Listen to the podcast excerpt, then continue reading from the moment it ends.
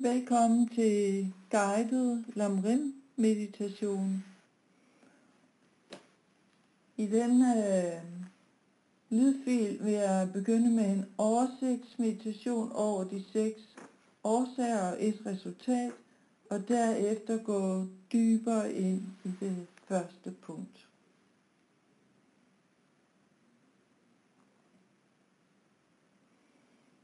Jeg repeterer lige, at det er en bodhicitta meditation, der stammer fra mesteren Atisha. Og de seks første punkter, de handler om at udvikle nærhed til alle levende væsener ved at se dem som vores kærlige mødre. Og mødrene er jo her et billede på nærhed.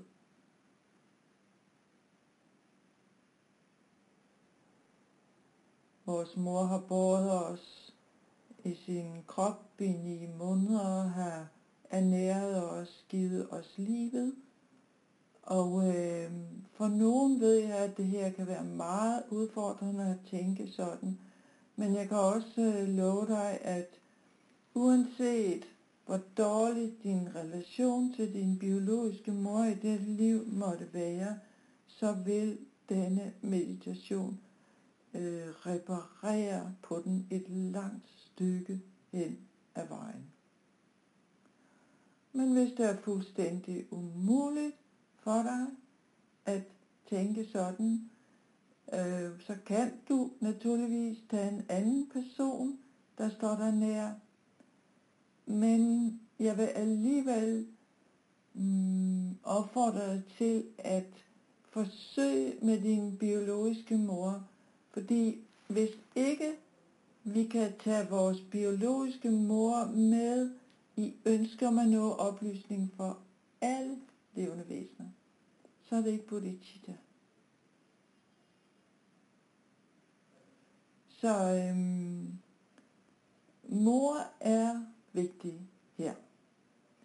I den asiatiske kultur, der siger man, at selv om man kunne bære sin biologiske mor på sine skuldre hele livet, så ville det ikke være nok til at gengælde den venlighed, hun har vist os, om ikke andet så ved at bære os svangerskabet igennem og føde os. Uden det vil vi simpelthen ikke være i live. Så Uanset hvordan vores relation til vores biologiske mor ellers er, så har hun skænket os det mest kostbare, vi har, nemlig vores liv. Så der er meget stor forskel på den øhm, faktuelle øh, indstilling, som asiater har til dette, og til den mere emotionelle indstilling vi vesterlændinge har. Vi har tit så meget bebrejdt vores mor, hun har ikke gjort ditten og datten, og det gengæld har hun gjort ditten og datten, som jeg var sur over, og så videre, og så videre. Ikke? Men prøv at kigge på fakta. Prøv at kigge på, hvad hun faktisk, rent faktisk har gjort for dig. Der er også en, der er en anden metode, der hedder Naikan, som er en japansk metode, øh, som man arbejder med i retreat. Og den første dag, der øhm, skal du ikke lave andet end at reflektere over, hvad har min mor gjort for mig. Det er det eneste, du skal. Og den næste dag, der skal du reflektere over, hvad har jeg gjort for min mor? Det er det eneste, du skal den anden dag. Og på den tredje dag, der skal du reflektere over, hvilke sorger og bekymringer har jeg skabt for min mor.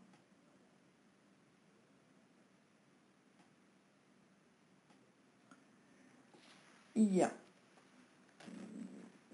Vi begynder med, som sagt, med en oversigtsmeditation, men lad os lige, nu har jeg snakket så meget, så lad os lige sidde et øjeblik, bare trække vejret.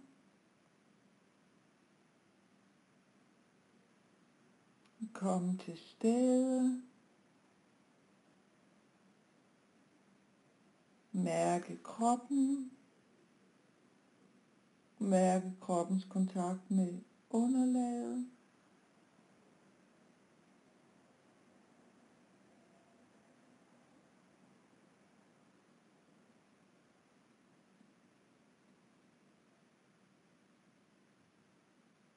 Og oversigtsmeditationen den begynder nu. Vi tænker, at alle levende væsener har været vores mødre utallige gange.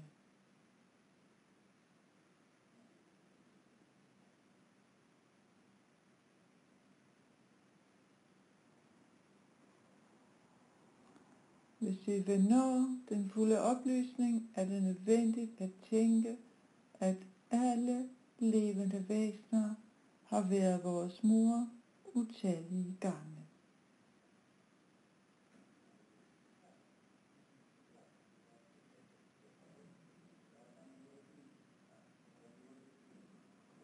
På basis af det, så tænker vi over vores mors eller vores mødres store godhed mod os.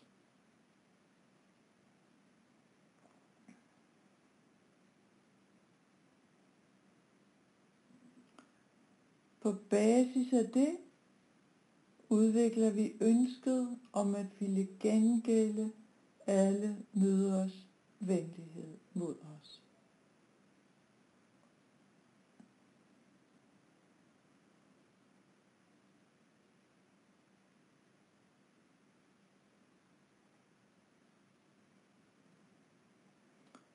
På basis af det udvikler vi stor kærlighed til dem.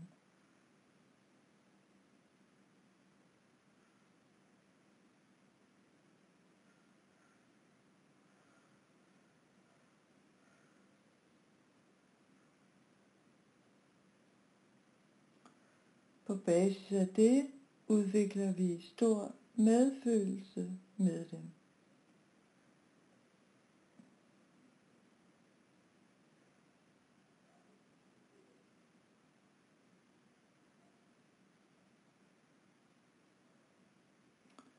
På basis af det udvikler vi den usædvanlige indstilling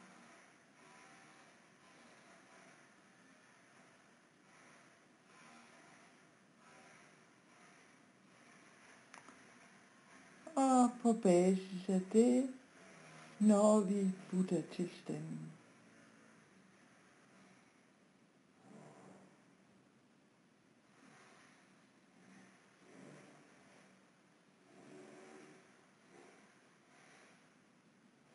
Så hvis vi vil nå Buddha-tilstanden, nu går vi baglæns, så må vi først udvikle den usædvanlige indstilling.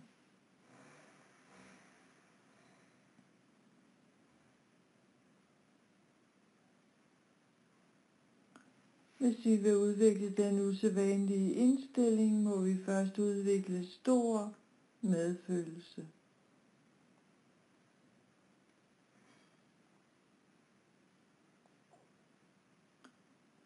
Hvis vi vil udvikle stor medfølelse, må vi først udvikle stor kærlighed.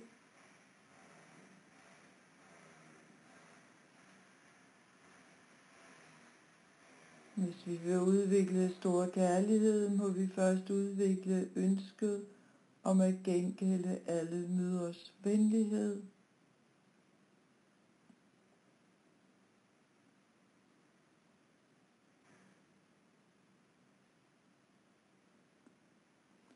Hvis vi vil udvikle ønsket om at gengælde alle møders venlighed, må vi først meditere over vores mors store godhed mod os.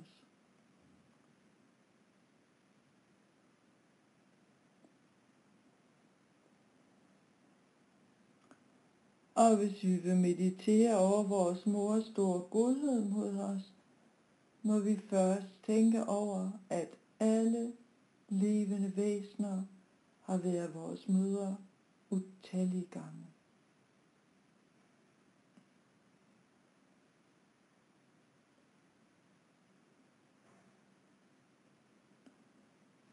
Så nu går vi ind i det første punkt og mediterer over, at alle levende væsener har været vores mødre utallige gange.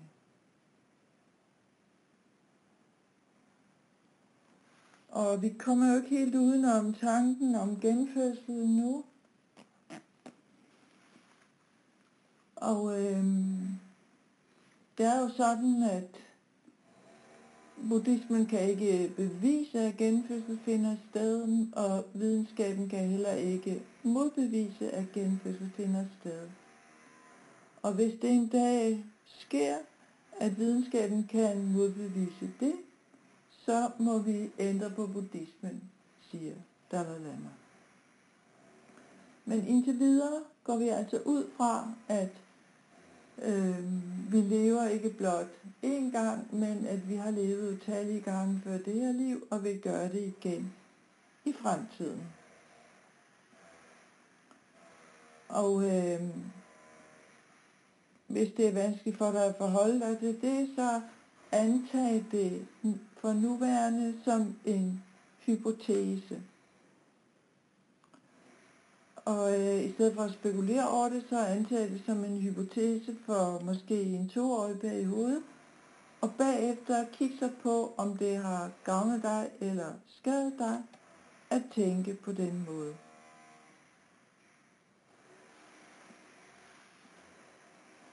Så altså det første punkt. Alle levende væsener har været vores mødre og utallige gange. Der tænker vi, at vi har levet flere liv. Lige så mange som der er sandskorn i floden Ganges. Og at alle væsener, også dyrene, har været vores mor mange gange. Der findes ikke et eneste væsen, som ikke har været din mor utallige gange, eller vil blive din mor utallige gange i fremtiden.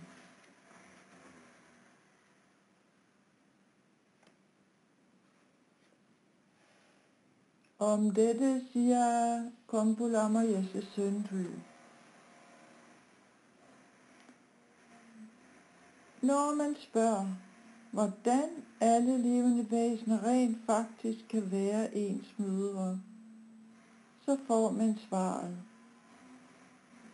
Der er ingen begyndelse på antallet af mine fødsler, og man kan ikke finde en begrænsning på antallet af de kroppe, jeg har antaget.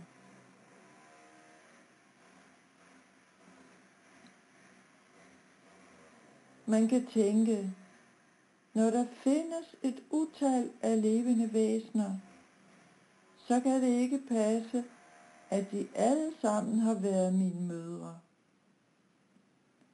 Det kan det dog, for antallet af mine genfødsler er lige så umådeligt som antallet af levende væsener.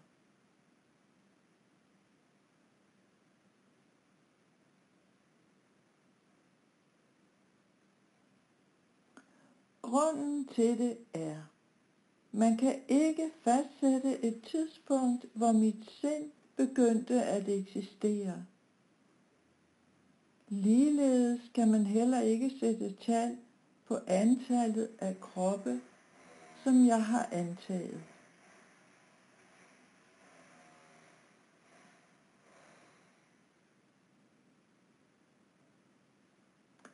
Bortset fra de liv, hvor jeg blev født af varme, fugtighed eller på mirakuløs vis, havde jeg naturligvis hver gang en far og en mor. Tia antog en krop, som blev født af et æg eller en livmor. Hermed er det logisk påvist, at alle levende væsener har været mine mødre.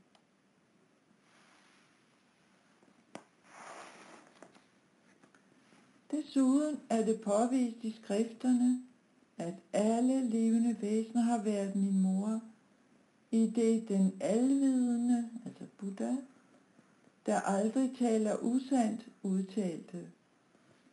Jeg ser ikke nogen levende væsener vandre gennem samsara, som ikke på et tidspunkt blev født på dette sted, og som ikke antog en tilsvarende krop, og som ikke har været hinandens far eller mor, søskende, venner eller slægtninge.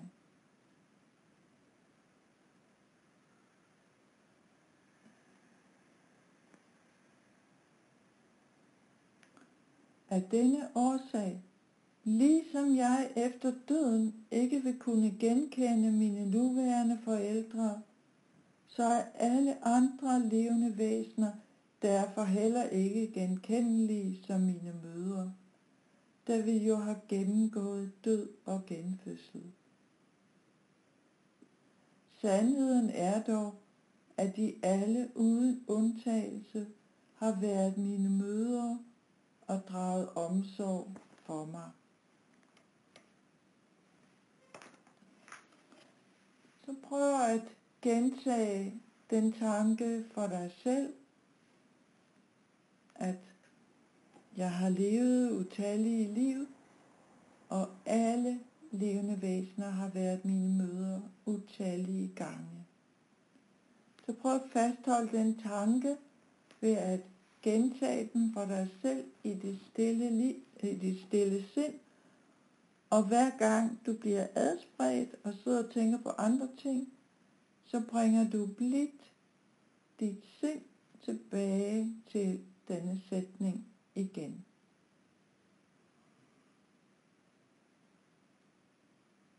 Og i tre minutter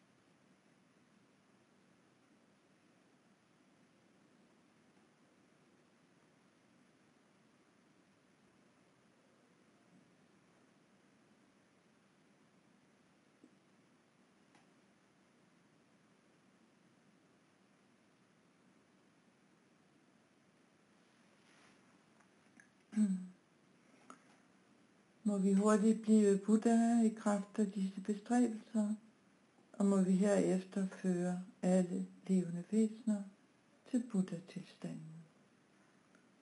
Tak fordi du lyttede med.